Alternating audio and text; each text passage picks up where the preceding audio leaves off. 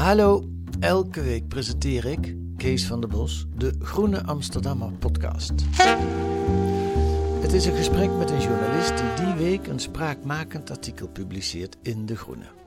Waarom dit verhaal? Was het moeilijk om het te maken? Wat waren de uitdagingen? Wat brengt het ons? En wie is die journalist eigenlijk? Elke week een goed gesprek in de podcast van de Groene Amsterdammer.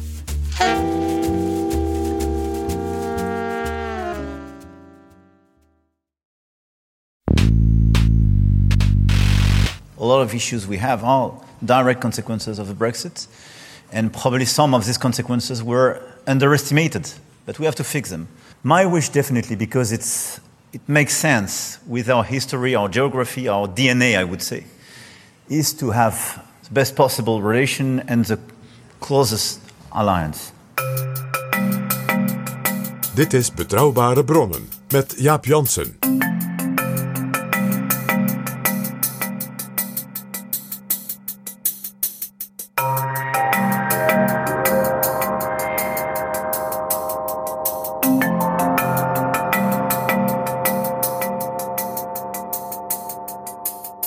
Welkom in Betrouwbare Bronnen aflevering 333 en welkom ook PG. Dag Jaap, 333. PG, we hoorden zojuist Emmanuel Macron, de president van Frankrijk, afgelopen vrijdag in Parijs bij een ontmoeting met Rishi Sunak, de premier van het Verenigd Koninkrijk. En dit was de eerste topontmoeting van een Franse president, staatshoofd en regeringsleider, met de premier van Groot-Brittannië in vijf jaar. Dus die mannen, vrouwen ook in die tussentijd, hè, hadden elkaar in geen vijf jaar ontmoet om met elkaar strategisch als bondgenoten te praten. En dat, is uitzonderlijk. In 2008 al was besloten dat ze elkaar elk jaar op een topontmoeting zouden zien. Maar ja, de Brexit kwam ertussen. En er kwam natuurlijk nog iets tussen. De ene Britse premier na de andere ging ten onder. Met name vooral ook in de eigen partij, de Tory Party. Dus het was ook voor de Franse president eh, bijna ondoenlijk om met een Britse partner in gesprek te treden. die niet op dat moment al als het ware min of meer in doodsnood was. Sterker nog, er was af en toe zelfs een vijandelijke sfeer. Luister maar naar Liz Truss, die heel even ook premier was voordat Rishi Sunak aantrad. Um, President Macron, friend or foe? The, the jury's out. But if I, if I, if I, if I, if I become, if I become prime minister, I'll judge him on deeds, not words. De reactie van Macron daarop was zo kil dat je gewoon aan zijn blik kon zien dat hij woedend was. Hij zei toen ook: We hebben een serieus probleem met het Verenigd Koninkrijk.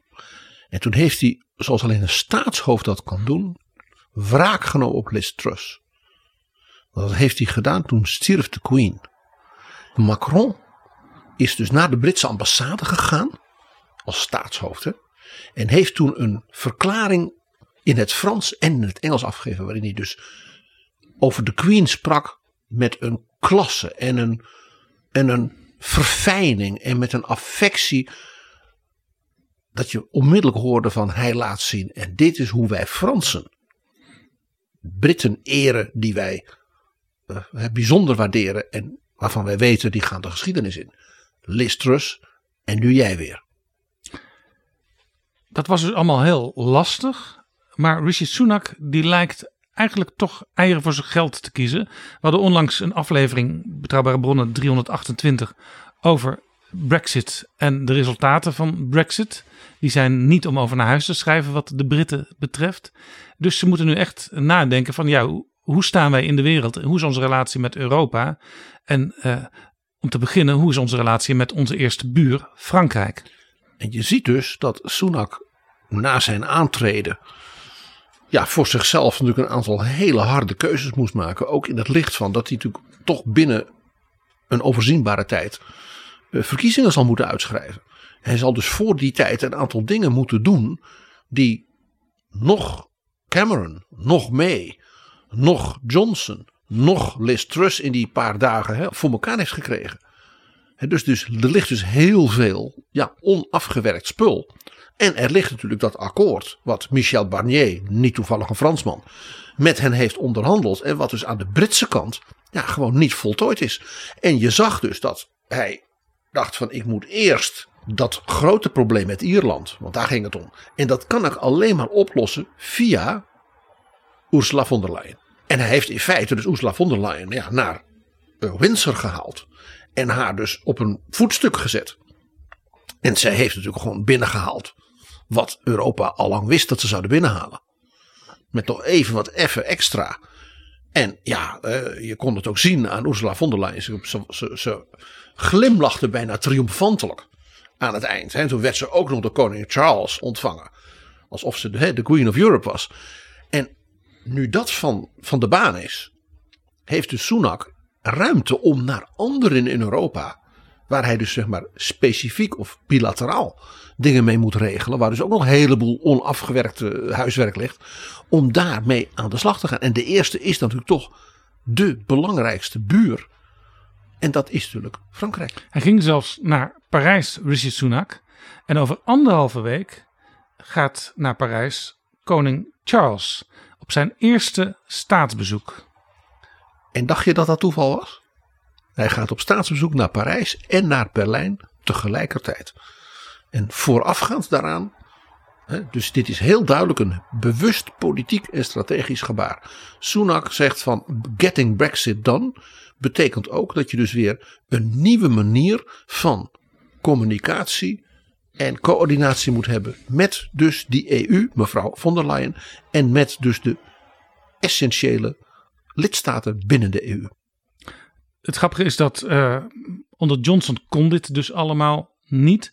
Macron zei op een gegeven moment tegen Johnson: Je bent altijd welkom hoor als je ambitieuze plannen hebt.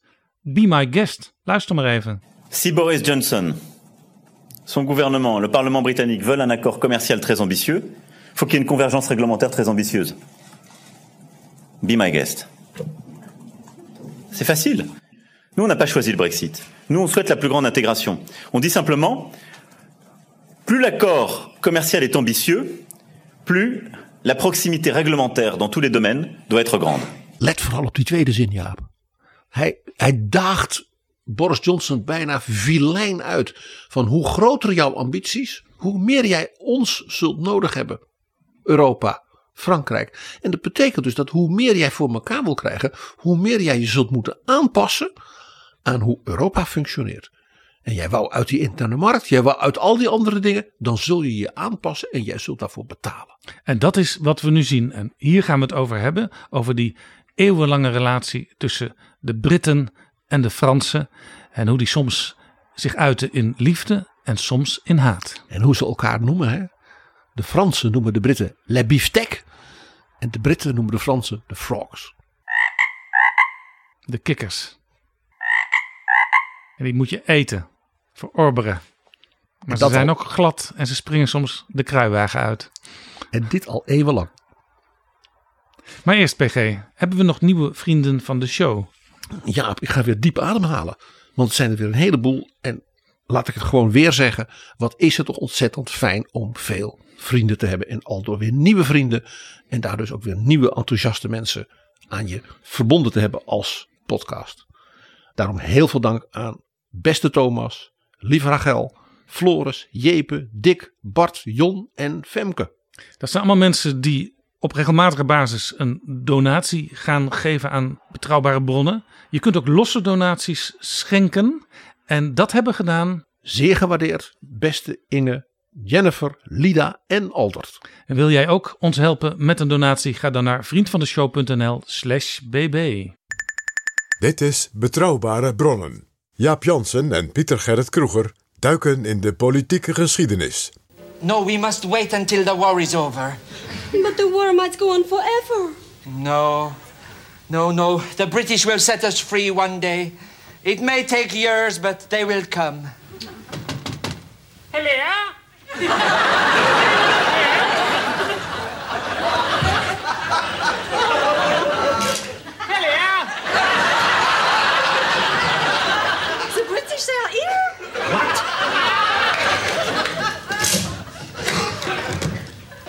Expecting us by any chance?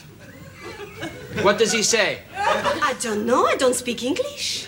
PG, heel, heel erg lang geleden lag wat we nu het Verenigd Koninkrijk noemen vast aan het continent. Maar op een gegeven moment begon dat te scheuren en kwam eh, die zee daartussen, eh, dat kanaal zoals ze het ook wel noemen.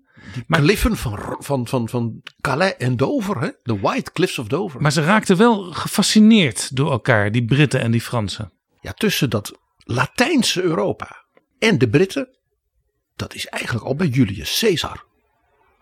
Dat idee, we gaan dat eiland in de mist en dat gaan we veroveren. Caesar niet gelukt. Keizer Caligula heeft het geprobeerd, maar dat werd helemaal niks. Het was die wat saaie archivaris en historicus keizer Claudius. Die het zo goed kon organiseren, want dat kon hij goed. Dat die Britannia wist te veroveren. Dus er is al in de Romeinse tijd, dus dat dat zuidelijk, het Latijnse Europa, gefascineerd is door dat eiland. Ja, jij zegt nu Britannia. Eh, je hebt natuurlijk in Frankrijk Bretagne. En dat heet naar dezelfde volkeren.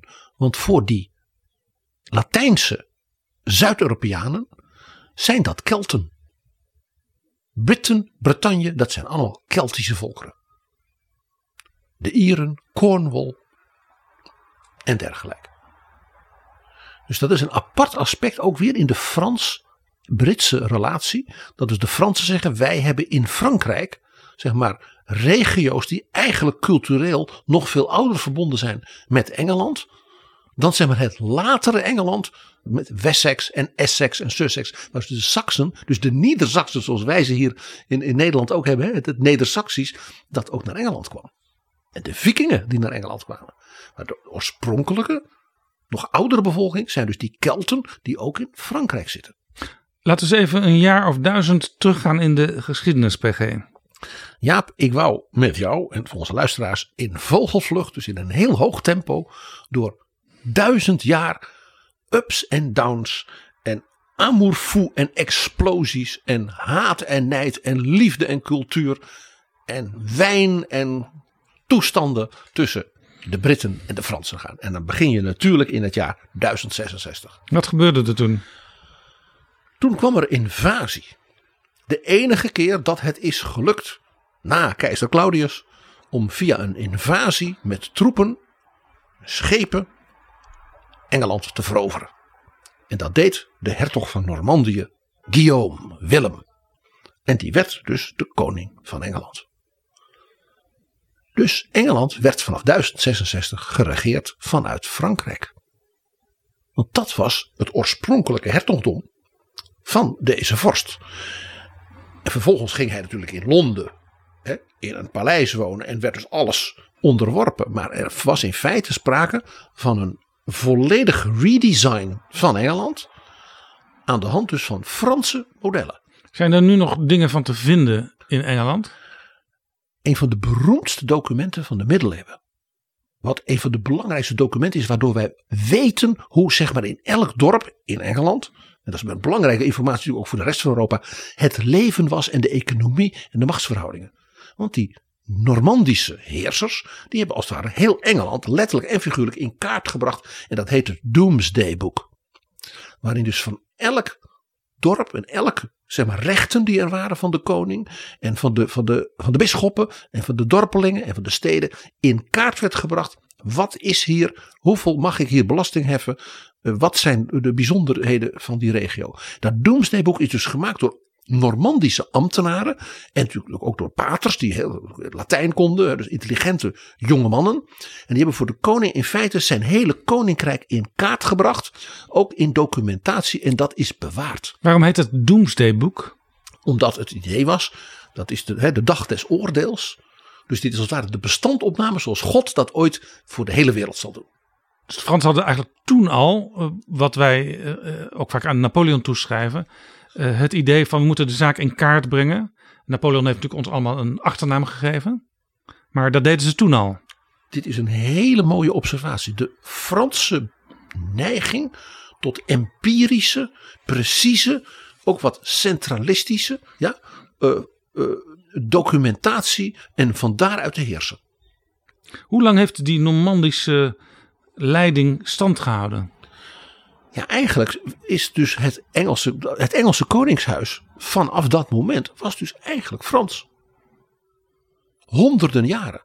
Dat leidde ertoe dat in de middeleeuwen, in die eeuwen daarna, dus die Normandische vorsten zeiden: Ja, ik ben dus ook hertog van Normandië. En ik ben via mijn tante, eh, ben ik ook uh, uh, in Anjou. En ik mag daarbij Bordeaux. En op een bepaald moment was het dus zo dat die, die Engelse koningen in feite de helft van Frankrijk regeerden als Franse edellieden. Via Normandië. En dat leidde natuurlijk tot enorm gedoe. Want uh, ja, de, de, koning van Frankrijk van het huis Capet en het huis Valois. Ja, die merkte dus dat als het ware grote delen van Frankrijk in, toenemende mate als werden ingekapseld in het Engelse machtsgebied. En dat leidde tot de beroemde honderdjarige oorlog.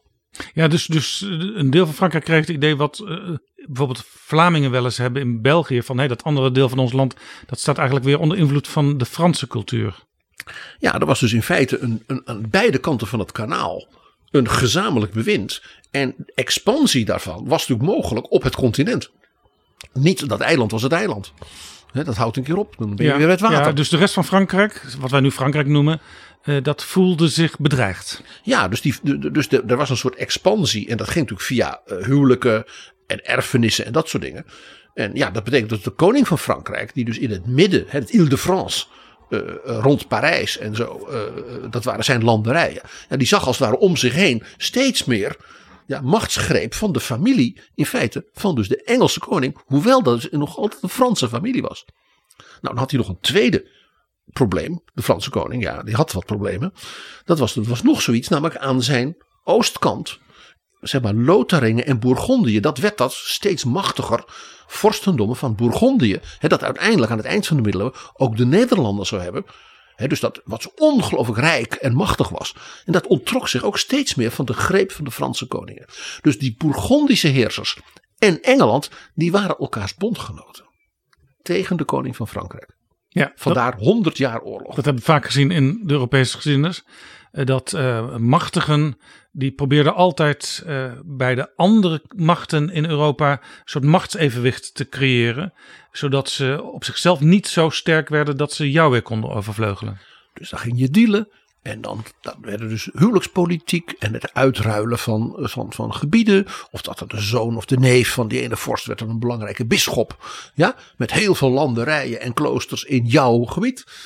Dat was allemaal onderdeel van dat enorm verfijnde machtsspel van die tijd en van de tijd van het feodalisme. Nou, die honderdjarige oorlog is op een bepaald moment afgelopen. En je moet eigenlijk zeggen, de winnaar was Frankrijk. Want dat is natuurlijk toch een groot zeg maar, afgesloten ja, gebied. Sterk als het ware gecentraliseerd al in de late middeleeuwen. En daardoor konden ze de Britten als het ware verslaan. Maar er bleef aan de Franse kust allerlei havens. In feite in het bezit van de koning van Engeland. En dat werd ook de parels van Engeland genoemd. Dan moet je denken aan Boulogne en ook aan Calais. En dat werd was dus een soort van gedoogsituatie, zou je kunnen zeggen. Ja, de koning van, van, van, van Engeland bleef daar de heer en met ook het omliggende gebied. En een heel mooi voorbeeld van hoe dat werkte, was dat dus er waren twee jonge koningen in het begin van de 16e eeuw.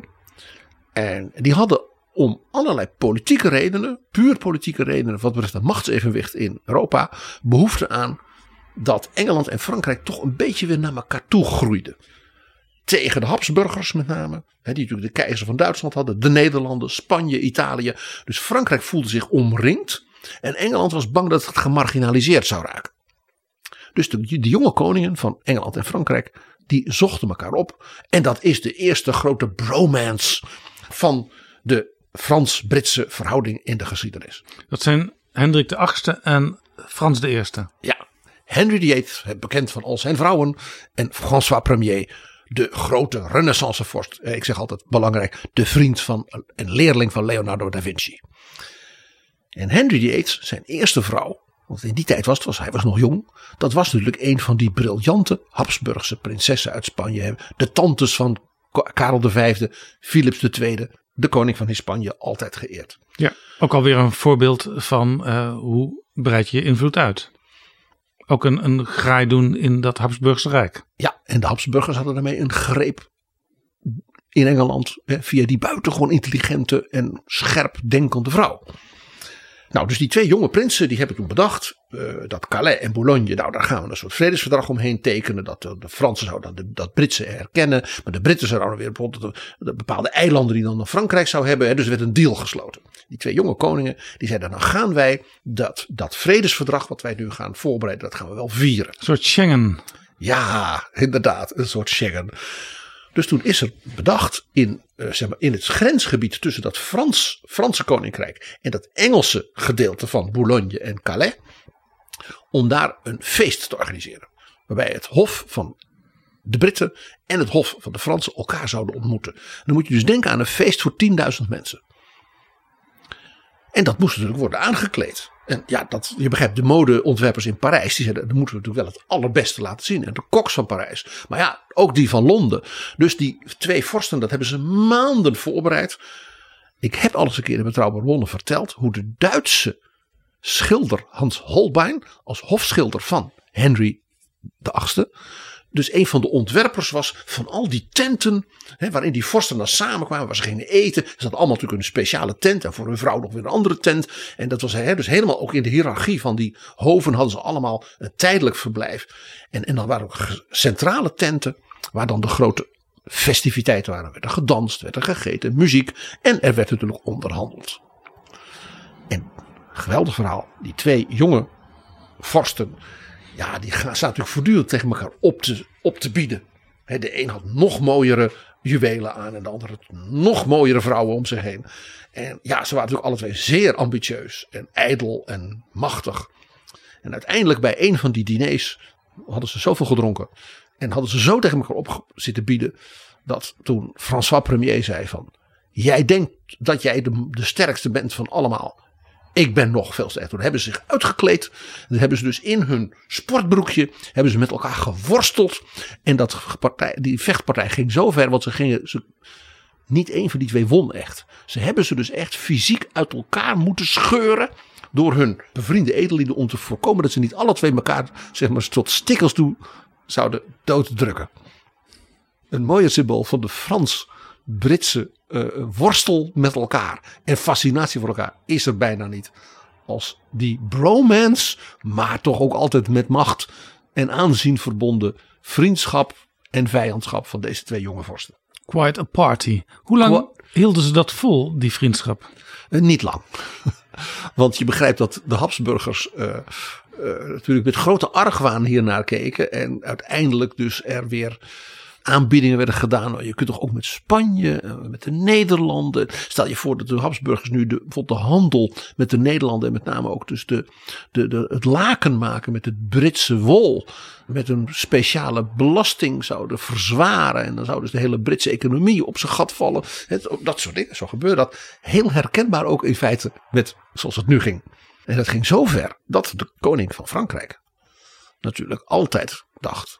Er komt een moment dan gaan Boulogne en Calais eraan.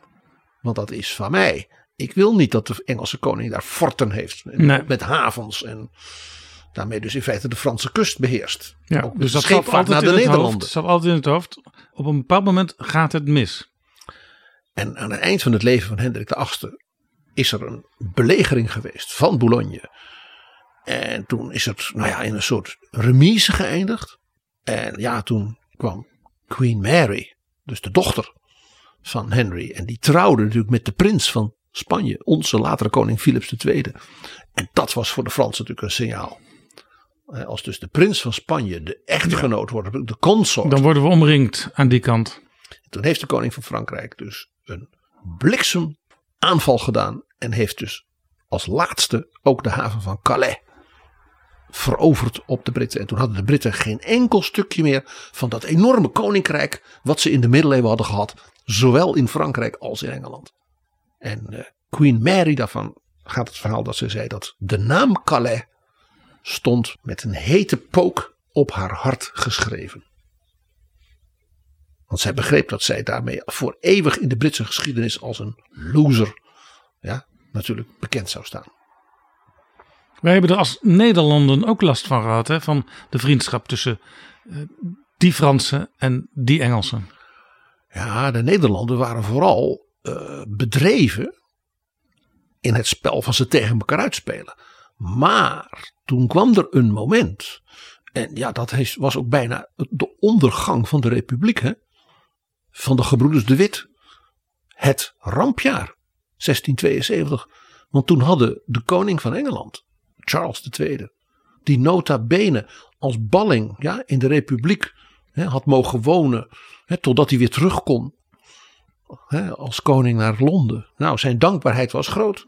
Want hij sloot in het diepste geheim een alliantie met Lodewijk XIV. En die zeiden nou, het Franse leger valt binnen. Met ook nog wat steun van Duitse vorsten. Over land. En valt binnen en gaat dus die Nederlandse steden belegeren. En we gaan dat Holland verslaan. En de Britten gaan met hun vloot Via de zee.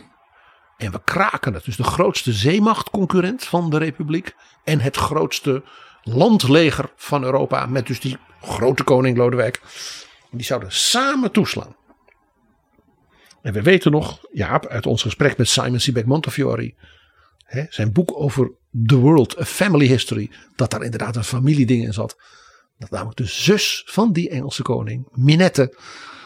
De briljante diplomaat was die dus die twee koningen van Engeland en Frankrijk bij elkaar bracht. Niet alleen omdat het feit was dat haar zwager, de koning van Frankrijk, eigenlijk ook heel erg verliefd op haar was. Dus Minette maakte die zeer onverwachte alliantie. En die kostte bijna de republiek, dus hè, onze Nederlanden, de kop. Tot zover de samenwerking, de vriendschap tussen Fransen en Engelsen. Maar op een gegeven moment was dat echt afgelopen. Ja, tegen het eind natuurlijk van het bewind van Lodewijk XIV was natuurlijk Frankrijk zozeer de nummer één macht op het continent. Dat het natuurlijk voor de Britse lange termijn strategie een bedreiging werd. Want de Britse lange termijn strategie is altijd speel de, krachten op het continent tegen elkaar uit. Dus een evenwichtspolitiek. Dus als Frankrijk machtig, te machtig wordt, dan gaan de, de, de Britten Habsburg steunen. Als Habsburg te machtig wordt, dan gaat hè, Henry VIII met François Premier Bromans spelen. Ja, en vooral ook, eh, hou ze allemaal op afstand. Eh, laat ze niet eh, naar jou toe komen, want dan is de wereldwijde handel in gevaar. En dat is het tweede punt. Dat de vrije zee eh, moet wel blijven voor de vloot en voor de handelswegen. Dus Lodewijk XIV werd gewoon te machtig. En toen ook nog de Habsburgse dynastie in Spanje uitstierf. Toen werd het duidelijk dat de Fransen van plan waren via een soort indirecte familieband de troon in Madrid te claimen en dus die van dat enorme Spaanse wereldrijk. En ja, als Lodewijk XIV niet alleen die grote koning van Frankrijk met zijn enorme macht op het continent zou zijn, maar ook nog via zijn kleinzoon. Die wereldmacht Spanje. En daarmee dus een enorme koloniale macht. Overigens had Frankrijk zelf al op dat moment heel wat koloniën. Dat zijn wij, weten wij niet zo heel veel van in de Nederland. Maar bijvoorbeeld in India, in Amerika, in de Cariben, heel veel Franse koloniën. Frankrijk was ook echt een concurrent. Dus een combi van dat Franse koloniale rijk en die Franse continentale macht en dat leger met Spanje en zijn koloniale rijk zou natuurlijk fataal zijn Ja. voor Engeland. Dus dat leidde tot in feite een, ik kan er maar één woord voor gebruiken, dat is een global war. Een wereldoorlog. Tussen Engeland en Frankrijk is er van 1698 tot 1815 in feite, dus meer dan een eeuw lang, alweer zo'n 100-jarige oorlog geweest. En die was nu voor het eerst op heel de wereldbol. Ja, dus interessant. Later hadden we natuurlijk eh, Wereldoorlog 1 en Wereldoorlog 2. Die duurden vier respectievelijk vijf jaar. Zes jaar misschien wel. Maar toen duurde iets al gauw 80 jaar of een eeuw. Ja, want er was ook weer wapenstilstand. Hè, dat je de vrede van Utrecht in 1713. Twee jaar later stierf Lodewijk XIV. Maar heel snel daarna kwamen er alweer allerlei andere oorlogen. De Zevenjarige Oorlog en met Pruisen en met Oostenrijk. En natuurlijk de grote poging van de koningen van Frankrijk om het Britse wereldrijk in het hart te treffen. En dat is natuurlijk de Amerikaanse revolutie geweest. Ja. De Fransen hebben bijna een staatsbankroet ervoor over gehad om de Amerikanen te helpen. Dat Maarschalk Lafayette als jonge assistent van George Washington daarheen ging met zijn eigen geld. Dat was allemaal groot idealisme. Maar hij werd natuurlijk zeer gesteund door de ministers en door de koning helpt dat die rebellen winnen. Want dan scheuren we als het ware het hele Noord-Amerika van de Britten af. Dus de Amerikaanse revolutie en ook de overwinning van George Washington. En al die mooie dingen met de Declaration of Independence. En, al die, die zijn onderdeel van deze grote geopolitieke wereldoorlog geweest. Nou ja, het hoogtepunt natuurlijk was natuurlijk die laatste jaren. En dat is natuurlijk de tijd van Napoleon. Dat Napoleon in feite heel Europa onderwierp. En toen zei we gaan nu het continentaal stelsel doorvoeren. Ja? Dat alle handel van Engeland met het continent verbood. Wat leidde tot grote armoede hier in de Nederlanden. En dat ook leidde ertoe dat Napoleon, de tsaar van Rusland, niet kon dwingen daaraan mee te doen. Die zei wel dat hij meedeed.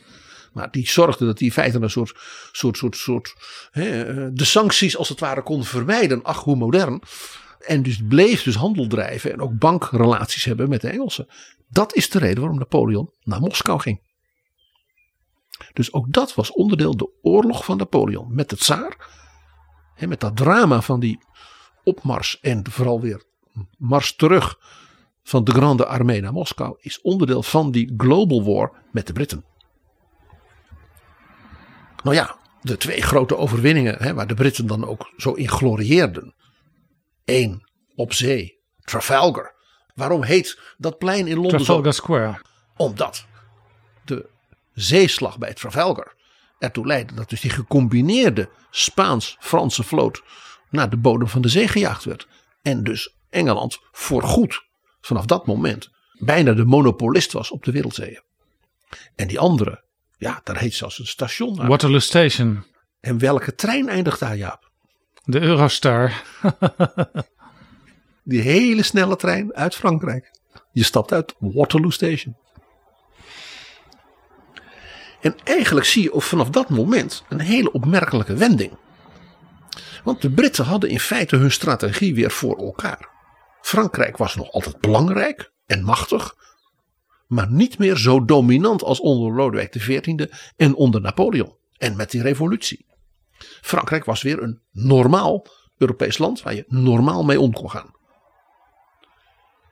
Je had nu in Rusland de tsaar, die speelde een grote rol. Het nieuwe Pruisen, nog altijd natuurlijk de Habsburgse vorsten he, van Oostenrijk en Hongarije. Maar dat evenwicht, dat beviel de, de Britten wel. En dat leidde ertoe dat dus de Britten ineens met de Fransen ook politiek, strategisch van alles weer gingen doen. Dus er ontstond een heel veel soepeler verhouding door dat evenwicht. En als dus een vorst dan in Europa dat evenwicht verstoorde, dan traden dus de Britten en de Fransen ook samen op als een soort politie. Dat is wat er gebeurde in de Krimoorlog tegen tsaar Nicolaas I. Dus je had in feite een soort uh, Frans-Britse as toen in Europa. Ja, waarin dus die zeemacht en die landmacht, net als toen door hè, prinses Minette tegen de gebroeders de Wit, nu in de 19e eeuw opnieuw werd geklonken, maar nu tegen bijvoorbeeld de tsaar. Omdat de Britten zeiden, ja, de expansie van Rusland ten koste van de Turken in de Caucasus, op de Balkan, bedreigt natuurlijk ook het Britse koloniale rijk. Ja. Ja. En Azië. En de Fransen zeiden, ja, dat, dat bedreigt het evenwicht in Europa. De tsaar moet niet zo machtig worden. En de Krim moest dus ook beschermd worden. Dus de Krim was dus de plek waar dus de Frans-Britse vloot met een enorm leger als daar landde. Om daar die vloothaven, dat Sebastopol, nou ja, in mootjes te hakken. En daar Ja. de vloot en het leger van de tsaar. Het is dus heel interessant om vast te stellen dat bijvoorbeeld tussen de Britse vorstenhuis en de Fransen de relaties dus in die 19e eeuw opvallend goed waren. Bijvoorbeeld eh, koning Louis-Philippe was zelfs bijna een soort oomachtige vriend van de heel jonge koningin Victoria. Zij is ook zelfs, en dat was iets heel bijzonders, bij hem op bezoek geweest in Parijs. Een hele tijd met haar toen jonge echtgenoot prins Albert. Spraken zij elkaars taal ook? Zeker. Dat speelde natuurlijk ook een rol. Het Frans was natuurlijk toch de taal van de elite. Dus ze konden met elkaar converseren en schrijven. Maar spraken die Fransen dan ook wel een mondje Engels? Sommigen wel. Eén in elk geval. Met wie Victoria later ook het heel goed kon vinden. En dat was keizer Napoleon III. Want die was natuurlijk balling geweest na de val van zijn oom Napoleon. En kwam dus terug vele jaren later en riep zichzelf uit tot keizer. En die had als balling zowel in Londen gewoond als in Amerika. Ja, die had van zichzelf op een gegeven moment het idee: het wordt nooit meer wat met mij. Maar uiteindelijk werd hij toch nog weer keizer. Maar sprak dus voortreffelijk Engels. Nou, dus die, die, die goede band eh, is op een bepaald moment zeer bevestigd. En dat is een van de belangrijkste en niet zo bekende momenten in de Europese geschiedenis en het Europees machtsevenwicht. En dat ging om de relatie met Duitsland. Ja, het keizerrijk. Bismarck ja, had voor elkaar gekregen. En zolang Bismarck regeerde, we hebben het al eens over gehad, dat Bismarck en Benjamin Disraeli, de premier van Engeland, dus ook de premier van koningin Victoria, het was haar lieveling, dat die dus zeer goed met elkaar konden. Disraeli zei altijd, zolang Bismarck die evenwichtspolitiek van hem voert, is dat dus in het belang van de Britse evenwichtspolitiek op het wereldniveau. Met de val van Bismarck en het feit dat keizer Wilhelm II ja, zelf wilde regeren, ging het ook heel snel dus mis. Nou, koningin Victoria sterft, haar zoon volgt op en die stond bekend als een hele grote francofiel. Verhaal daarover doen we misschien wel een andere keer, Jaap. Hoe heette die zoon? Koning Edward VI. Ah ja. Maar hij werd ook gewoon Bertie genoemd. Hè? Albert, naar zijn vader. Maar als koning heette hij Edward. En die hield van lekker eten, goed drinken, veel gokken, mooie vrouwen. Dus die was heel veel in Parijs. Want daar was natuurlijk minder opgelet. De, door de, zeg maar, de Britse kranten, zal ik maar zeggen. Dus die hield van Parijs, hield van Frankrijk, hield van de Franse cultuur en van de charme en alles wat daarbij hoort. Ja. En die zei dus, met zijn regering ook, van wij zien dus die keizer van Duitsland en dat die gaat een eigen vloot bouwen en die worden steeds expansionistisch. Ja, en dat culmineerde uiteindelijk in de Eerste Wereldoorlog. En hij is het geweest die in 1906, dus dat is jaren voordat die oorlog begon, de zogenaamde Entente Cordiale, dus de hartelijke overeenkomst. Ja, vriendschappelijke verhouding, Ja, zo kun je het misschien ook vertellen. tussen Engeland en Frankrijk bevorderde. En dat is uiteindelijk door de regering ook getekend. Maar die koning speelde daar achter de schermen dus een hele belangrijke rol. Ja, het een beetje merkwaardig is natuurlijk dat hij ook nog de neef was van keizer Wilhelm. Ja, dat is natuurlijk altijd het probleem in Europa, dat iedereen familie van iedereen is. Maar, maar omdat hij dus familie was, kon hij ook gewoon zeggen van ja, ik ken hem. En het is, hij is gewoon een beetje gek.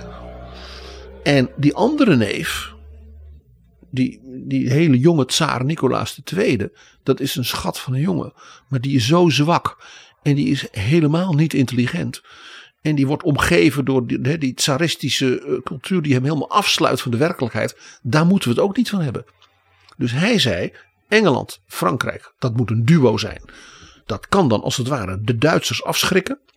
En Frankrijk had dus een warme band met Rusland. Ook vanwege eh, de Mediterranee. Want dat speelde ook nog weer. En op die manier was er dus een soort alliantie van deze drie machten. Ja, en dat werd dus een alliantie tegen Duitsland. En Duitsland heeft toen Oostenrijk, ja, wat altijd probeerde ertussenin te blijven, zo onder druk gezet dat Oostenrijk, Hongarije, de Habsburgers mee gingen doen met Duitsland. En ja, daar, toen ging het dus mis. Ja. In Sarajevo. En in de Tweede Wereldoorlog eh, vielen de Duitsers natuurlijk, de nazi-Duitsers, vielen Frankrijk binnen. En eh, een van de opstandelingen die vluchtte naar Londen en die heette Charles de Gaulle. Ja, want die entente cordiale van koning Edward, die heeft in feite het volgehouden tot 1946. Want Engeland en Frankrijk trokken samen op eh, tegen nazi-Duitsland. Ja, nou is de positie van Frankrijk altijd wat ingewikkeld. Eh, Want een deel van Frankrijk deed gewoon mee met de Duitsers, Vichy Frankrijk. En een ander deel zat in het verzet. Maar ja, eh, de man die daar uiteindelijk de leider van bleek, die woonde dus wel in Londen. Charles de Gaulle was een soort onderminister van Defensie.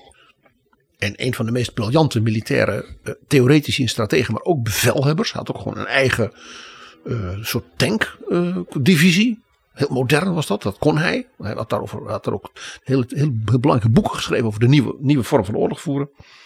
En is dus ja, voor overleg bijna dagelijks op en neer gegaan naar Londen.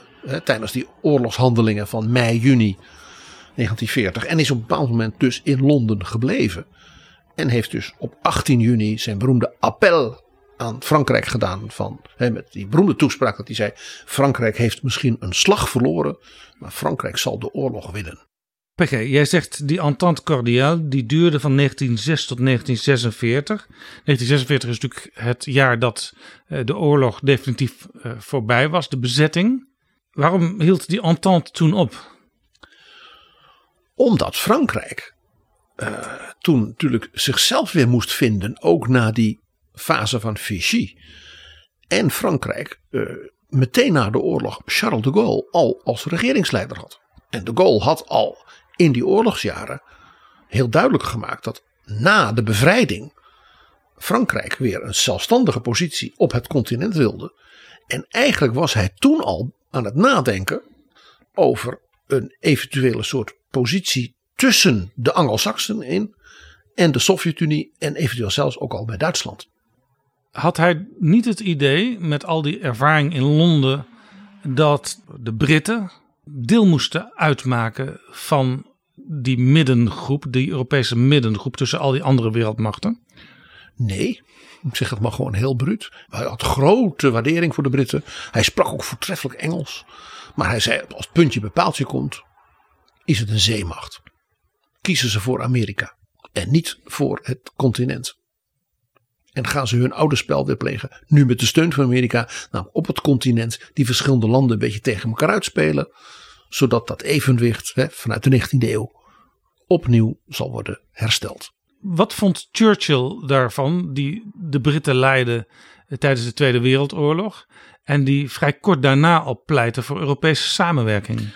Ja, dat was heel ingewikkeld. Churchill was heel erg voor Europese samenwerking en verzoening. Maar dat moest vooral op het continent gebeuren. En de Britten zouden een soort, ja, soort peetvaderpositie. Maar of ze nou echt, hè, wij zouden zeggen, erin zouden integreren. Dat was altijd toch weer de vraag. En de Gaulle, die toen, inmiddels toen uit het bewind was in uh, Frankrijk. Ja, die zag toe hoe dus de verschillende Franse regeringen in de jaren 50 de ene keer wel met de Britten, dan werden ze door de Britten weer afgestoten. Schuman probeerde het heel erg met de Britten, haal ze erbij, he, de kolen- en staalgemeenschap. Werd het uiteindelijk niet. Nou, toen kwam er een Europese defensiegemeenschap binnen de NATO.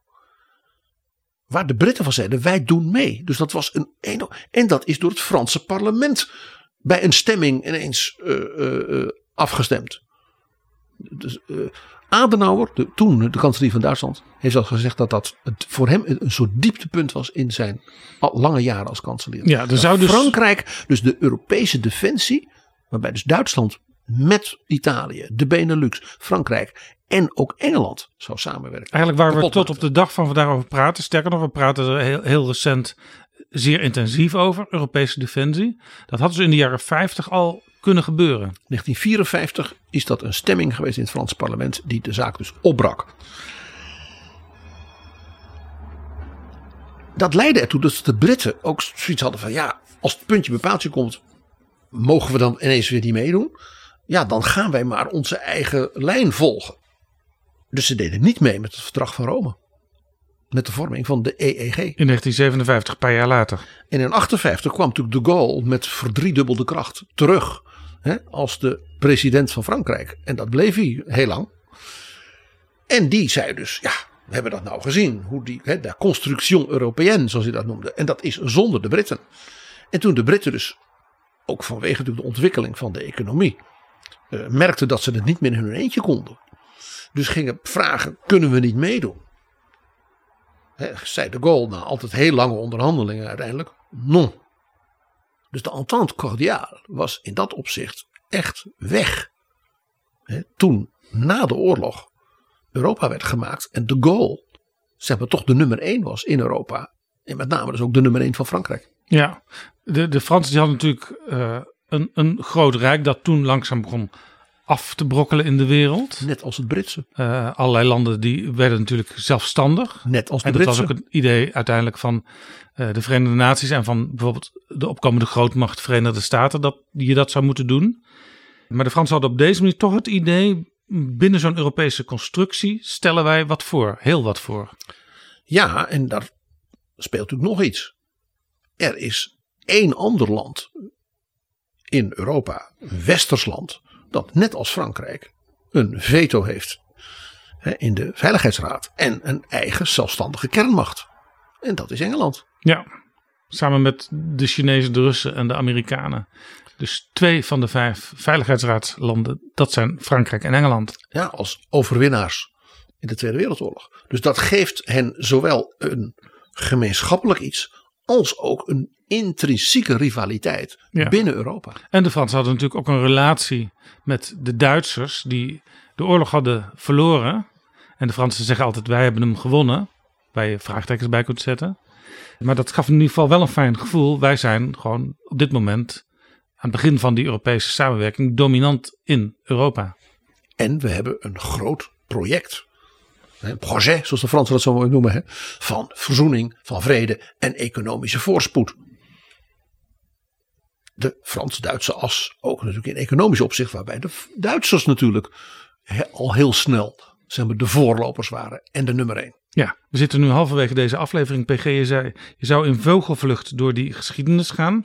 Uiteindelijk kwamen de Britten toch bij de Europese gemeenschap, wat nu de Europese Unie is. En uiteindelijk gingen ze er ook weer uit, de Brexit. Ja, de Brexit is natuurlijk in een aantal opzichten, hoe je het ook went of keert, de triomf van het gaullisme. Want de Gaulle en zijn aanhangers, die zeiden altijd, we willen graag met die Britten, we hebben groot respect voor ze, we hebben ook entente cordiale gehad, maar ze horen er niet bij.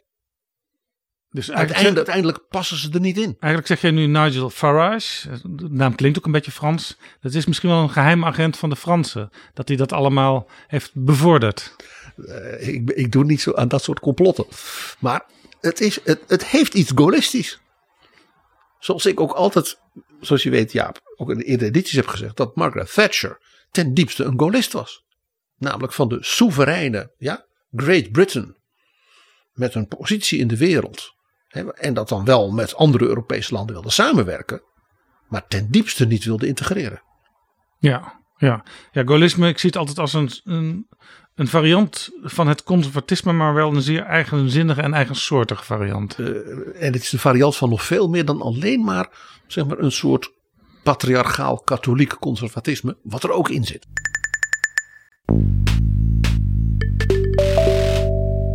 Dit is Betrouwbare Bronnen, een podcast met betrouwbare bronnen. PG, we zijn nu zes jaar na die Brexit. En nu komen de Britten ineens bijna met de pet in de hand naar Parijs. Ja, en één ding moet ik zeggen, vandaar dat ik zei, we moeten het hier in deze BB over hebben. Eh, ik dacht, we gaan weer zo'n worstelwedstrijd krijgen van François Premier en Henry VIII. Want de manier waarop Macron en Sunak, dat was heel duidelijk eh, geprepareerd. Net als dat grote feest van die twee jonge koningen. Eh, dat was helemaal geprepareerd. Ook als Le New Bromance. Deze twee hebben elkaar gevonden en dat zijn vrienden. En er is een soort renaissance van de Frans-Britse verhouding. Waarbij ze aan de ene kant gelijken zijn en aan de andere kant elkaar heel erg nodig Ja, ze werden zelfs ergens eh, de afgelopen dagen de kleine koninkjes genoemd. Want eh Sunak is 1,73 meter en Macron is 1,70 meter. Ze hebben trouwens nog veel meer overeenkomsten. Ze zijn allebei dokterszoon. Ze hebben op eliteopleidingen gezeten. Ze hebben voor investmentbankers gewerkt. Goldman Sachs en Rothschild.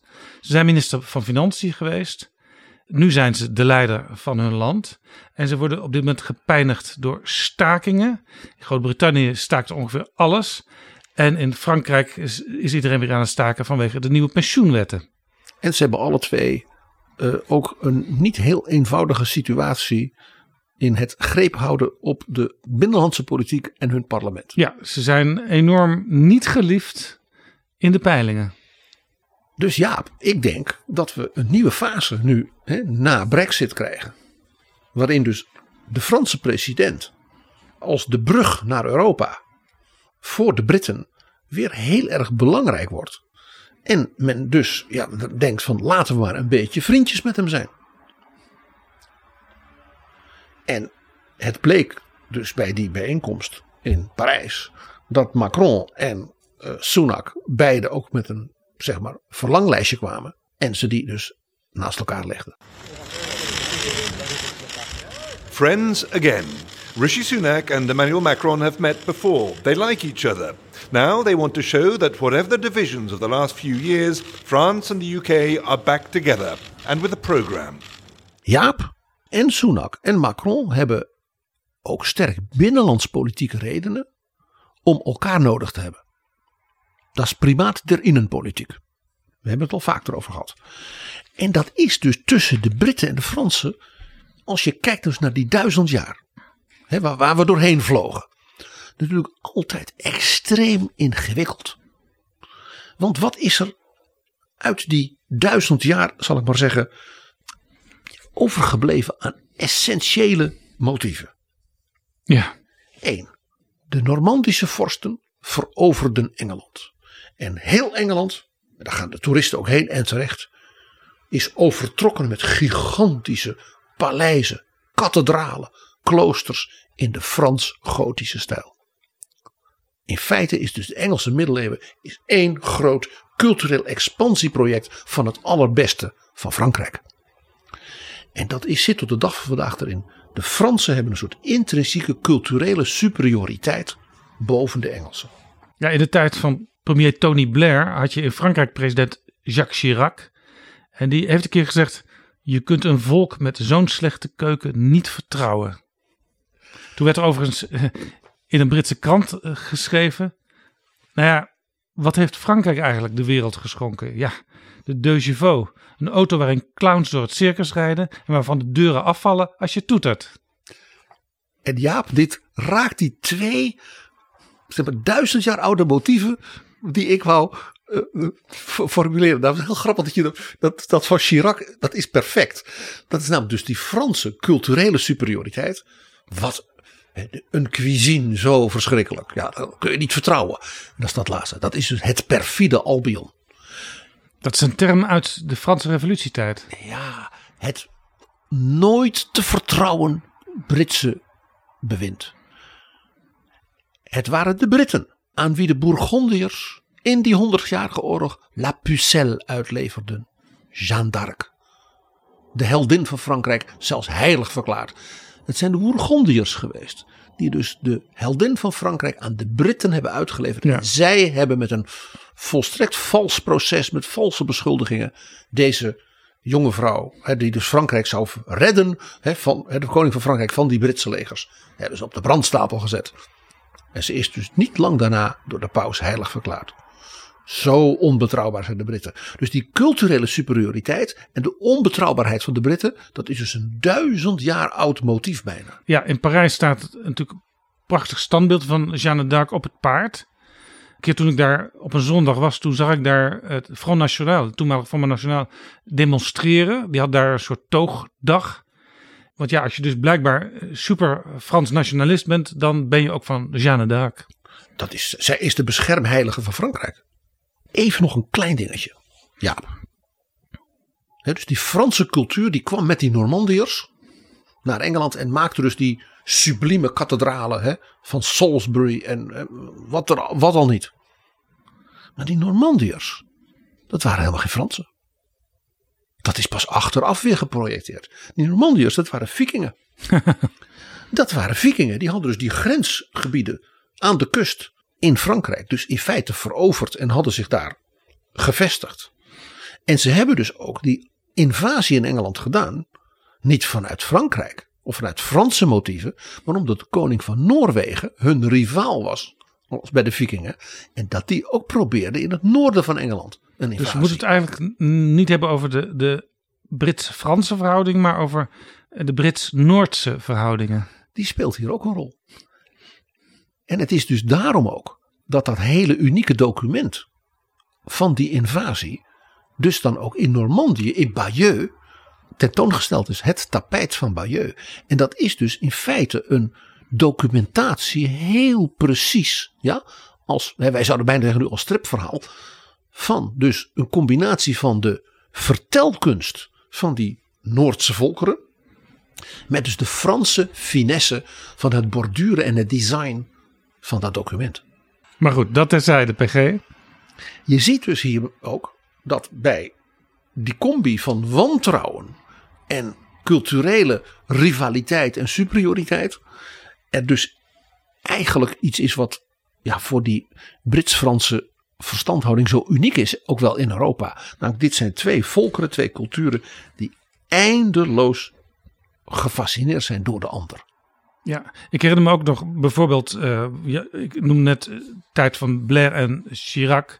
Nou, Blair kwam natuurlijk eventjes Gordon Brown als premier in het VK. En die had het te stellen met Sarkozy. En die gingen op een gegeven moment ook weer bij elkaar zitten en een entente organiseren. Er was sprake van een nieuwe boodschap. En Sarkozy zei zelfs op een gegeven moment dat Tony Blair, die dus net geen premier meer was, de ideale president van de Europese Unie zou zijn. En jij weet hij is het niet geworden. President Sarkozy, toen hij mocht kiezen van mevrouw Merkel, tussen die ene christendemocraat uit de Benelux en die andere, koos hij dan toch voor die iets meer Fransgezinde Belg, Herman van Rompuy. Nou, die fascinatie van Britten en Fransen, dat is iets door de eeuwen en tot de dag, dag van vandaag. Het beste voorbeeld is natuurlijk dat de vader van Boris Johnson, omdat hij EU-burger wilde blijven, na Brexit de Franse nationaliteit heeft aangenomen. Ja, ongelooflijk. Maar bijvoorbeeld ook toen dus de keizer van Frankrijk in 1871, Napoleon III, werd gevangen genomen door de Pruisische troepen. En dat Bismarck hem naar een kasteel in Zuid-Duitsland stuurde om daar natuurlijk goed verzorgd te worden, maar natuurlijk wel bewaakt. Toen hebben ze in het vredesverdrag, wat er gesloten is, gezegd nee, maar zijn majesteit moet nu vrij zijn. Maar de republiek zei hij mag niet meer terug. Nee. Wat heeft hij toen gedaan? Toen heeft hij zich gemeld bij koningin Victoria. Die heeft gezegd ik heb zulke goede herinneringen aan mijn tijd. In de Engelstalige wereld, zoals in Amerika, als balling, als ook in Engeland. En heeft Victoria gezegd natuurlijk. Dus Napoleon III heeft als balling in Londen gewoond. En er was natuurlijk nog zo'n balling van grote naam en faam. Charles de Gaulle. Hij heeft toen hij president van Frankrijk was een staatsbezoek gebracht aan Queen Elizabeth in 1960. En Ja. dat was een, Hij keerde dus terug naar Londen, zou je kunnen zeggen. en hij is in Londen ook ontvangen als een held. Want er waren ook heleboel mensen die hem nog kennen met een enorme militaire ceremonie die hij ook afnam. En toen heeft men hem gegund dat hij in Westminster Hall, je weet dat is dat die grote middeleeuwse, ook weer gotische, hè, Franse hal, dat hij daar Ja. De plekken waar onlangs eh, Volodymyr Zelensky sprak. Precies, en waar de Queen lag opgebaard. Dus dat is zo'n zo'n zo'n ja, zo'n unieke plek. Hè, heel iconisch voor de Britse geschiedenis en de Britse politiek. En daar hebben ze de Gaulle, het parlement en zeg maar eigenlijk de hele Engelse gemeenschap. Laten we even toespreken. luisteren wat de Gaulle daar zei. Monsieur le Lord Chancelier, Monsieur le Speaker, je vous remercie des nobles paroles que vous venez de prononcer. Il y a 16 ans que je ne suis venu chez vous. Yes, 16 years since he left London. Now, he said, the world could be saved by the wisdom and resolution of our two countries. Elles sont l'une et l'autre par excellence capables, la sagesse et la fermeté.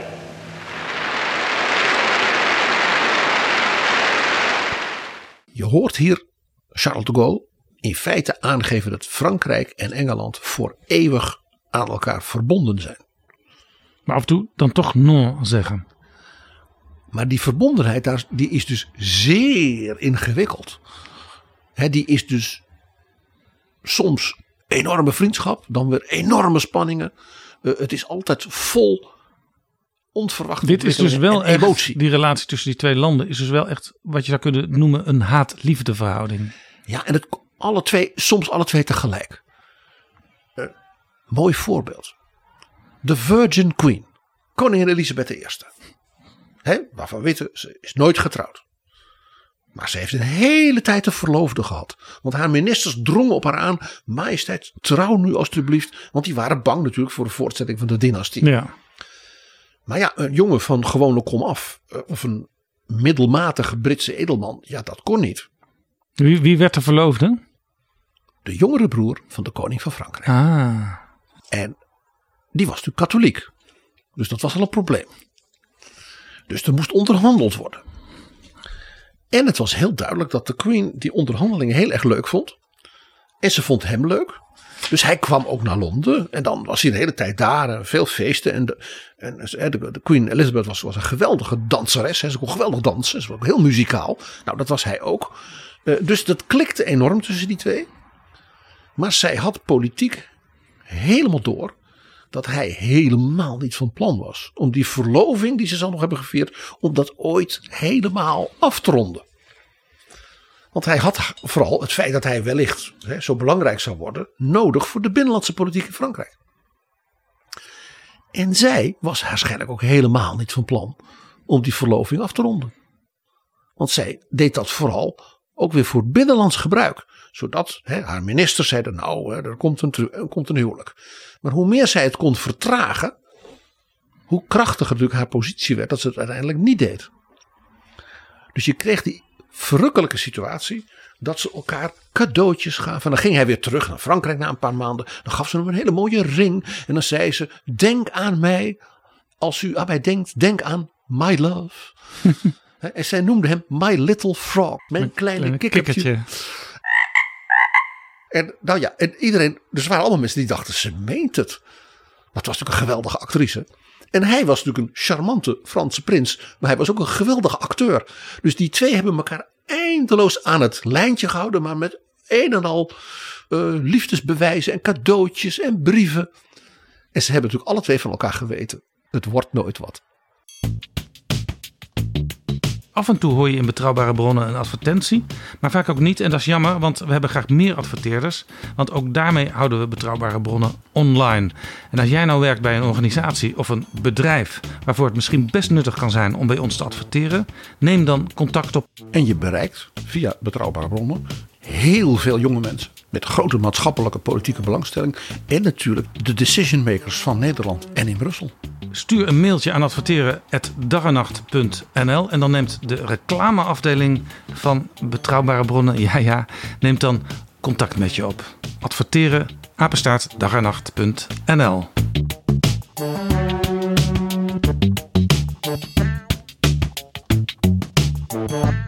PG, ik weet, jij kent uh, de televisieserie Yes Minister, later Yes Prime Minister.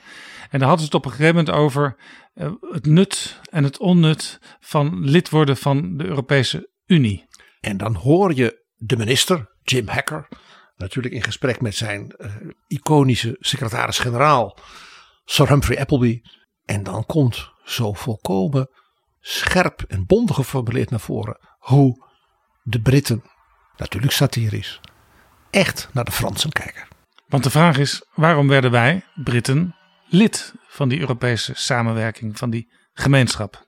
It is a game played for national interests and always was. Why do you suppose we went into it? To strengthen the brotherhood of free Western nations. Oh, really? We went in to screw the French by splitting them off from the Germans. well, why did the French go into it then? Well, to protect their inefficient farmers from commercial competition. It certainly doesn't apply to the Germans. No, no, they went in to cleanse themselves of genocide and apply for readmission to the human race. Never heard such appalling cynicism. Oh, well, at least the small nations didn't go into it for selfish reasons. Oh, really? Luxembourg's in it for the perks. The capital of the EEC, all that foreign money pouring in. Hmm? Very sensible central location. With the administration in Brussels and the parliament in Strasbourg. Minister, it's like having the, the, House of Commons in Swindon and the civil service in Kettering.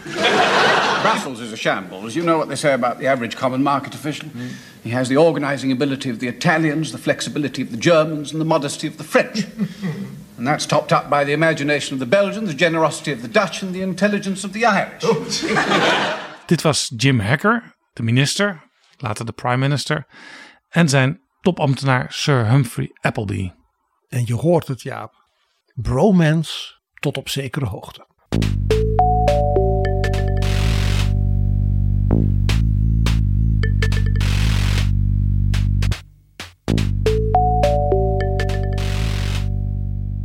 PG, we spreken nu misschien over een nieuwe bromance tussen Sunak en Macron. Er is al vaker toch wel sprake geweest van enige liefde tussen die landen. Bijvoorbeeld tussen Chirac en Margaret Thatcher. toen Thatcher overleed, toen zei Chirac dit. J'ai réagi avec beaucoup de tristesse parce que c'était une femme exceptionnelle. I reacted with great sadness because she was an exceptional woman, a truly unique woman in history, the only female Prime Minister of Britain, a woman who, during her decade in power, left an indelible mark on Great Britain's history.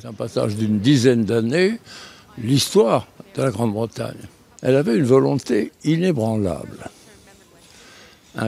She had an unshakable will, an indomitable character.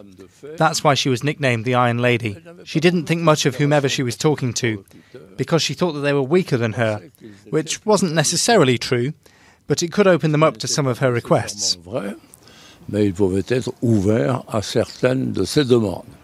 Na Thatcher kreeg je natuurlijk Tony Blair. En die zei over Chirac dit. When I first met Jacques Chirac, I mean, he, the thing I always think about Jacques is that he, um, he kind of looked like a French president. You know, he, he, had, he had a certain um, bearing and demeanor.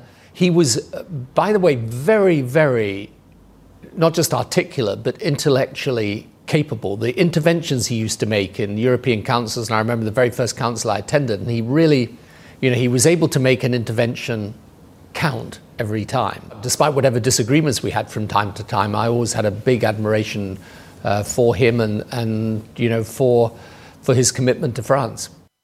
Dat was Tony Blair over Chirac. En na Blair kwam natuurlijk Gordon Brown. En die zei over president Sarkozy. Uh, as far as uh, the relationship between France and Britain is concerned, it is uh, a very strong relationship. Nicolas Sarkozy is one of my best friends, and we work very closely together on all the major issues. Dit waren premiers en presidenten over elkaar. En er is natuurlijk een fameuze van dat, ja, toch wel heel aparte duo. Margaret Thatcher, François Mitterrand. Hij zei over haar. Ze heeft de ogen van Caligula, maar de mond van Marilyn Monroe. en zij zei na het eerste overleg met haar staf in het vliegtuig terug. Toen bleef het helemaal stil. En toen zei dus uh, Charles Pole, haar belangrijkste buitenland- en diplomatieadviseur. Well, prime minister, this went rather well. Ze had namelijk gedacht dat het matten zou worden tussen die twee. Maar het was een en al charme en dit en dat. En Margaret Thatcher heeft toen die mannen, het waren allemaal mannen natuurlijk aangekeken. En heeft gezegd, ah, you boys don't understand. He likes women. PG, na hun ontmoeting in Parijs kwamen Sunak en Macron natuurlijk naar de pers om te vertellen wat ze hadden besproken en hadden besloten. En toen somde Sunak een aantal dingen op. We've discussed every aspect of our crucial alliance today and made important progress in three areas in particular illegal migration, energy, and security. Emmanuel and I share the same belief. Criminal gangs should not get to decide who comes to our countries. Within weeks of my coming into office, we agreed our largest ever small boat deal. And today we've taken our cooperation to an unprecedented level to tackle this shared challenge. We're announcing a new detention centre in northern France, a new command centre bringing our enforcement teams together in one place for the first time, and an extra 500 new officers patrolling French beaches. All underpinned by more drones and other surveillance technologies that will help ramp up the interception rate. Je hoort hier Sunak de nadruk leggen op alles wat er bereikt is op het vlak van migratie. De Britten hebben natuurlijk allemaal last van bootjes die uh, ja, aan land komen daar. Uh, Macron, die heel opmerkelijk in Parijs in het Engels sprak in het begin van die persconferentie, die had het vooral over de Brexit en de gevolgen van Brexit, dat die gerepareerd moesten worden. Natuurlijk over de oorlog in Oekraïne en over defensie. A lot of issues we have are direct consequences of the Brexit, and probably some of these consequences were underestimated, but we have to fix them. Second, we have to deal with the consequences of this war and the new geopolitical context. But what we want to do is now to build new partnerships on defense and security, facing the war, regarding climate change, in order to better coordinate our international um, activity, and for our businesses and our people we want to build new links, new relations. And uh, indeed, this European political community is one of those frameworks. I think this is a very relevant political framework to build something new at the level of the continent. My wish, definitely, because it's, it makes sense with our history, our geography, our DNA, I would say, is to have the best, I mean, the best possible relation and the closest alliance. But it will depend on our commitment, our willingness. But I'm sure we will do it. Jaap, de situatie is natuurlijk eigenlijk op een bepaalde manier glashelder. Sunak staat in feite met de bedeldap. Ja. Als die iets gedaan wil krijgen, dan zal hij dat dus moeten doen als niet lidstaat van de EU en niet individueel met Macron. Macron kan natuurlijk wel goede wil tonen. Dat heeft dus ook gedaan in dit overleg. Aan het eind van het overleg werd dus bekend dat de Britten een half miljard euro in de komende drie jaar gaan betalen aan Frankrijk. Zodat Frankrijk een aantal extra opvanglocaties kan ontwikkelen. En enkele honderden Franse ambtenaren kan opleiden en betalen. Om dus die migratiestromen rondom Calais en die bootjes aan de kust. Het is bijna net 1066 uh, te reguleren. Nou ja, dat is interessant, want uh, toen ze de EU uitgingen, toen wilden ze per se geen vervangende constructie met de EU waarin ze contributie zouden betalen. Maar in feite betaalt uh, het VK nu wel contributie aan de Fransen om hen te helpen die vluchtelingenstroom naar het VK te verminderen. En het idee was van de Britse regering dat men dan als uh, gebaar van Frankrijk afspraken kon maken over mensen die als het ware nou ja, uit die bootjes werden geplukt. Dan zeiden van ja sorry, dat is helemaal geen echte vluchteling of daar is een probleem mee. Die moeten de Fransen terugnemen.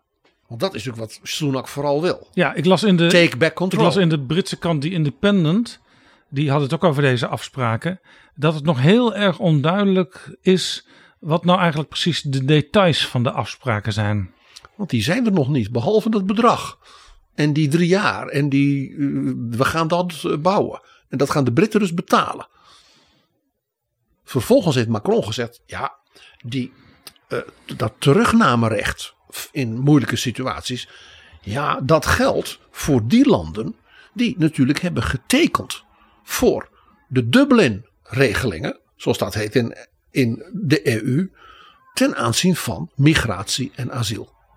Maar ja, de Britten hebben nadrukkelijk bij Brexit gezegd dat ze niets meer te maken wilden hebben, take back control, met die de, de Dublin-afspraken.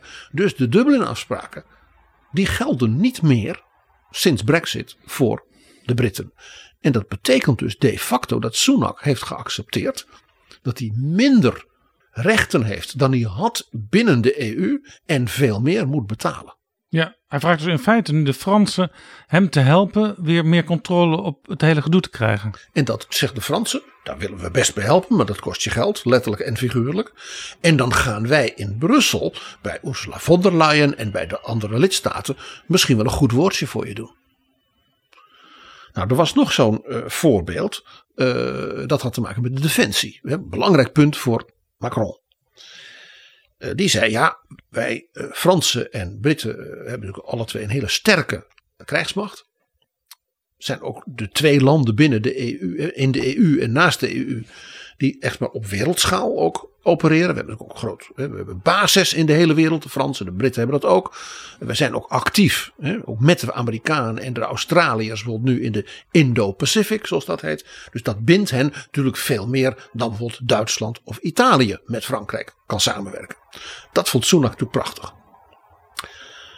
Maar ja, Macron zegt natuurlijk dan, dat moet wel natuurlijk passen en afgestemd worden met de Europese defensiesamenwerking, die zo sterk wordt ontwikkeld, wat een zwaar accent is, ook in het Frans voorzitterschap van de EU, van nou juist Emmanuel Macron. Ja. Dus in feite haakt hij Sunak als het ware aan aan de nieuwe Europese defensiesamenwerking. Ja, ze zitten natuurlijk wel samen in de NAVO.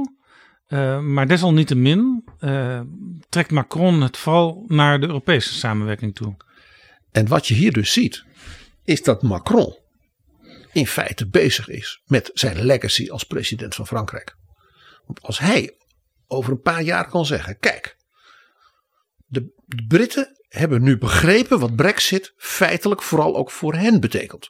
Ze waren vooral bezig met wat Brexit voor Europa zou betekenen. Maar ze keken niet naar wat dat voor henzelf betekent. Dat is nu veranderd. Dat is ook door mijn vriend Rishi. Heb ik daarin begeleid. Dat ze dat beter gingen begrijpen. Ze snappen ook dus dat ze nu gewoon moeten betalen aan ons. Ze snappen ook dat ze mogen meedoen. Hè? Of nou immigratie is of bij energieafspraken. Want dat speelde ook een belangrijke rol. Maar ook op dat gebied van de internationale veiligheid en geopolitiek. Maar het is heel duidelijk. De Britten hebben dus moeten accepteren. Dat bleek dus in dit overleg. Dat zij een volgende rol hebben. Nou, dit waren dus eigenlijk een aantal momenten voor Rishi Sunak dat hij toch eigenlijk gewoon naar de vloer moest kijken uit verlegenheid. Maar toch, PG, er moet ook een belang voor Rishi Sunak zitten dat hij dit nu juist op dit moment doet. Uh, zijn eigen partij is natuurlijk zoals altijd in disarray. Er is een enorme verdeeldheid. Uh, we noemden al de Britse kiezers die niet alleen voor een deel aan het staken zijn, maar ook uh, in steeds mindere mate van plan zijn om ooit nog op de conservatieve partij van Rishi Sunak te stemmen. Wat die, is zijn belang? Zijn belang is dat als hij naar de kiezer kan gaan, dat hij zeggen van ik heb goed naar u geluisterd. Getting Brexit done betekent ook de regret zorgen en kritiek ook serieus nemen. Kijk nou eens, ik heb met Macron rondom ja, moet natuurlijk niet vergeten dat uh, 48% van de Britten tegen de Brexit stemden. Dus En- het land is echt tot op het bot verdeeld. En nu is een aanzienlijke meerderheid zegt we hadden het eigenlijk niet moeten doen. En er ligt natuurlijk het probleem wat eh Sunak heeft geërfd van Boris Johnson met name. Van de toestanden met Ierland en natuurlijk de situatie met Schotland. Dus als Sunak als kan zeggen van ik heb nu een weer gezondere, volwassen st- verstandhouding. Allereerst met Macron, maar ook met mevrouw von der Leyen eh, gesloten. We gaan dus de negatieve aspecten van Brexit, waar wij toch ook zelf van merken. Hè, zie dat Noord-Ierland gedoe. Dat hadden we misschien beter moeten dooronderhandelen. Dat hebben we alsnog gedaan. Dat geldt ook voor die kleine bootjes. Dat geldt voor energie. En dat geldt ook bij de defensie. Dat we hè, samen tegen Poetin. Dan kan dus Sunak zeggen: Ik heb de minder positieve aspecten van Brexit. Heb ik naar u geluisterd en die heb ik opgelost.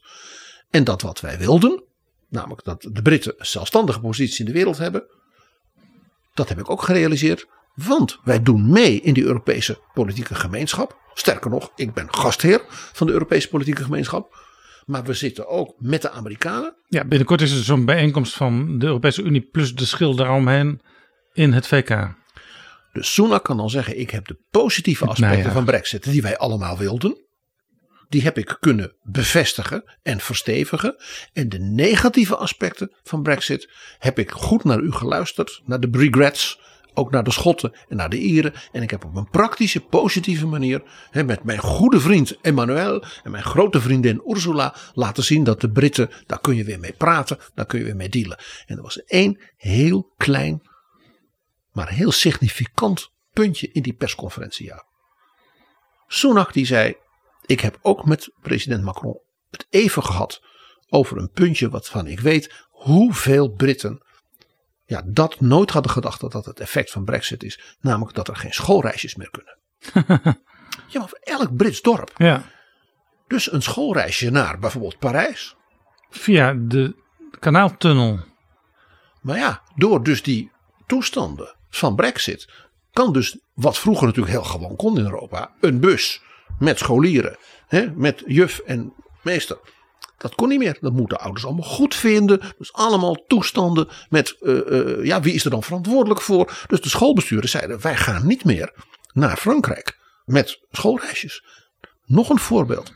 De musea, archieven en dat soort dingen in Engeland, die klagen steen en been dat de gezamenlijke afspraken binnen Europa. Denk aan verzekeringen. Denk aan wie is waar verantwoordelijk voor. Voor het uitlenen van kunstwerken, van documenten. Het maken van gezamenlijke tentoonstellingen met het Louvre.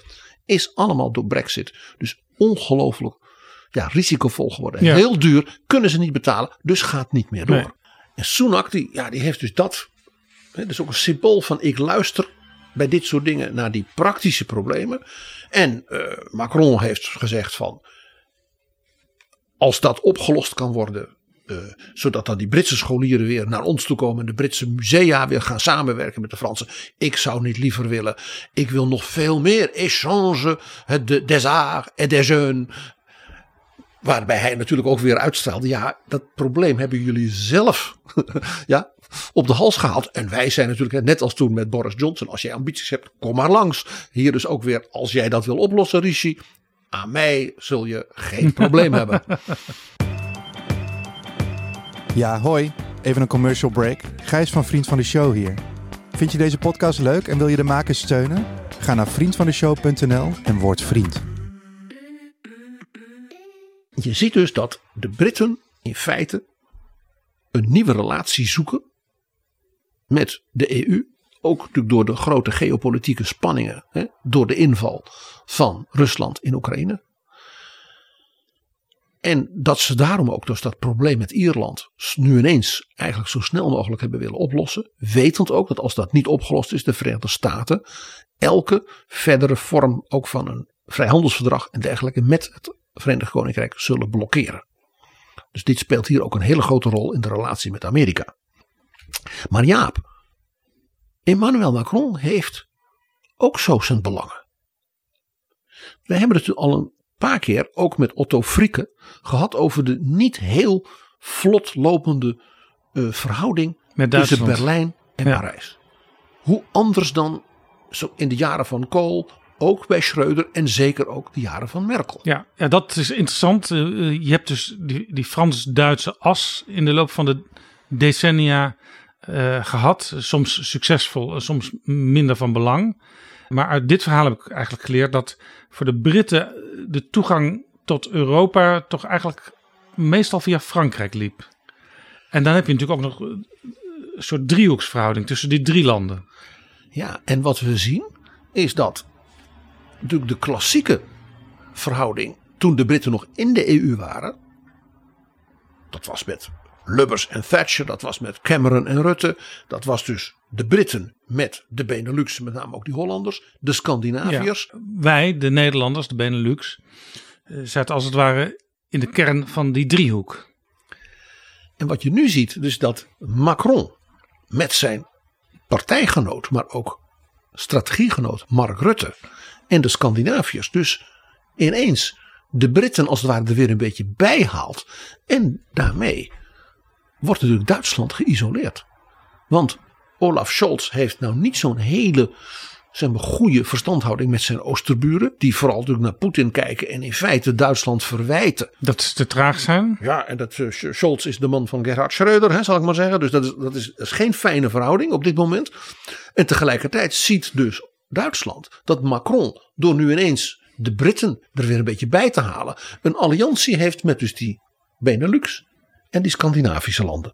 En daarmee maakt Macron zichzelf nu ook ten opzichte van Duitsland sterker. En dreigt zelfs Duitsland een beetje geïsoleerd te raken. Nou, binnen de NAVO is natuurlijk helder. De Verenigde Staten en Canada, wat in feite een hè, zowel Engelstalig als Franstalig land is. Die zijn natuurlijk altijd heel erg blij mee. Als de Fransen en de Britten strategisch een gezamenlijke lijn trekken. Helemaal nu er in feite een soort wereldalliantie gesloten is van de grote westerse mogendheden. Canada, Verenigde Staten, Europa, de Britten, Japan, Australië, Korea. Nou, als dus Frankrijk en het Verenigd Koninkrijk echt weer samenwerken. Dat zijn wel de twee kernmachten, de twee vetomachten. Dus dat is voor de lange termijn strategie van Joe Biden en van Justin Trudeau dus een enorme plus. Ja, en voor de Fransen ook extra fijn omdat de Britten een tijdje geleden natuurlijk samen met de Amerikanen, eh, de Canadezen, Australië een overeenkomst hebben gesloten die weer zeer ten nadele was van Frankrijk. En dat mag nooit meer gebeuren. Zo heeft Macron duidelijk gemaakt. Dus wat lijkt op een poging om op een aantal onderwerpen die lastig zijn, de kleine bootjes, de schoolreisjes, tot wat meer afspraken te komen. Als je even afstand neemt. En je kijkt zelfs vanaf 1066 aan het tapijt van Bayeux. Dan zie je dat het over veel meer gaat. En dat ook dit weer een voorbeeld is van hoe op het wereldtoneel alles aan het schuiven is. Dankjewel, BG. Maar Jaap, als je het hebt over de Britten en de Fransen. En de superioriteit van die Franse cultuur. En de fascinatie van die twee culturen en landen en volkeren voor elkaar. Dan moet je natuurlijk eindigen met opera. Want wist jij dat van het allerberoemdste toneelstuk van Shakespeare, Hamlet, Hamlet er een opera is gemaakt in het Frans. Dat is de beroemdste opera gemaakt naar het motief van Hamlet. Die is gemaakt door monsieur Ambroise Thomas. En wij gaan nu de beroemdste aria uit deze opera laten klinken als slot. Waar gaat die aria over? Hoe Brits en Frans kan het niet zijn? Die gaat over ivresse, over dronkenschap. Hij zingt over hoe de wijn je je leed laat vergeten. Hoe Brits en tegelijkertijd hoe Frans tegelijk.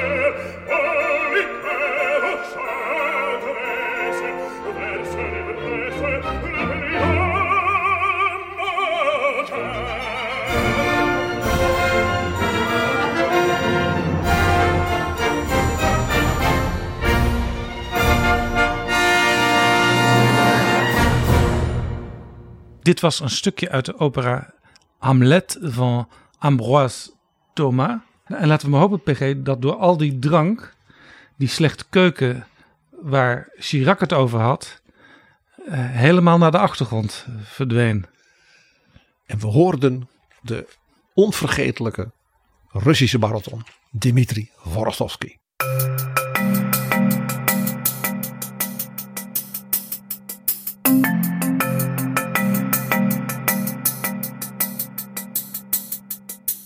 Zo, dit was Betrouwbare Bronnen, aflevering 333. Deze aflevering is mede mogelijk gemaakt door de Europese Unie en natuurlijk door de vrienden van de show. Wil jij ons ook steunen met een donatie? Ga dan naar vriendvandeshow.nl/slash bb. Tot volgende keer. U bent zeer welkom. Au revoir. Betrouwbare bronnen wordt gemaakt door Jaap Jansen in samenwerking met dag en nacht.nl.